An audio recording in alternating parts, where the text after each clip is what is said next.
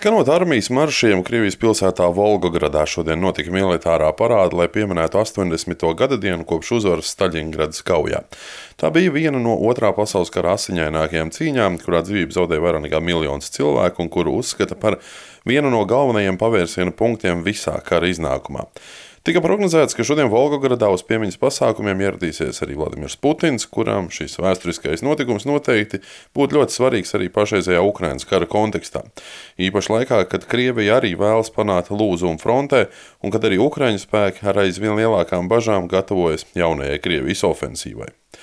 Pārsteidzoši, taču Putina vizītes vietā Krievijas oficiālajos medijos galvenā uzmanība šodien pievērsta Krievijas ārlietu ministra Sergeja Lavrova intervijai propagandistam Jevgeņiem Kiseļovam. Šajā intervijā Lavrovs izteicies, ka arī Krievija vēlas Ukrainas konflikta beigas un no miera sarunām neizvairās, taču laika faktors nav svarīgākais. Pēc viņa vārdiem Rietumi vēlas panākt Krievijas stratēģisku sakāvi, lai Maskava nevar atkopties. Taču ministrs ir pārliecināts, ka Krievija tieši pretēji no šī kara iznāks spēcīgāki, pretoties un arī aizsargāties spējīgāk.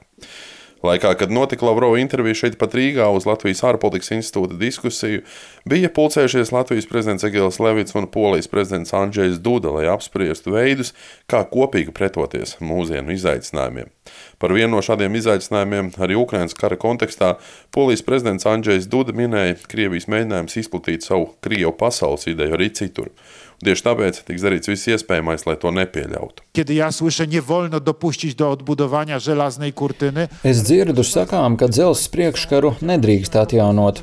Es kā polijas prezidents ar visu atbildību varu teikt, es esmu gatavs šādu dzelzs priekškaru uzcelt, ja man būs nepieciešams stāties pretī agresīvai valstī pie mūsu austrumu robežām, kas vēlas iznīcināt savus kaimiņus, kas grib sagrābt viņu zemes un atņemt viņu brīvību.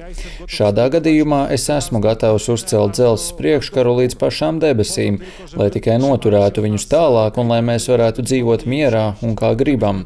Un mēs gribam dzīvot rietumos, nevis austrumos.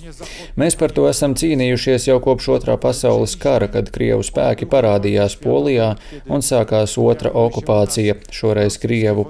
Mums gandrīz 50 gadu nebija pilnīgas neatkarības, un mēs atradāmies zem padomju savienības spiediena. Mēs esam sevi atbrīvojuši un nekad negribēsim tā atjaunošanos.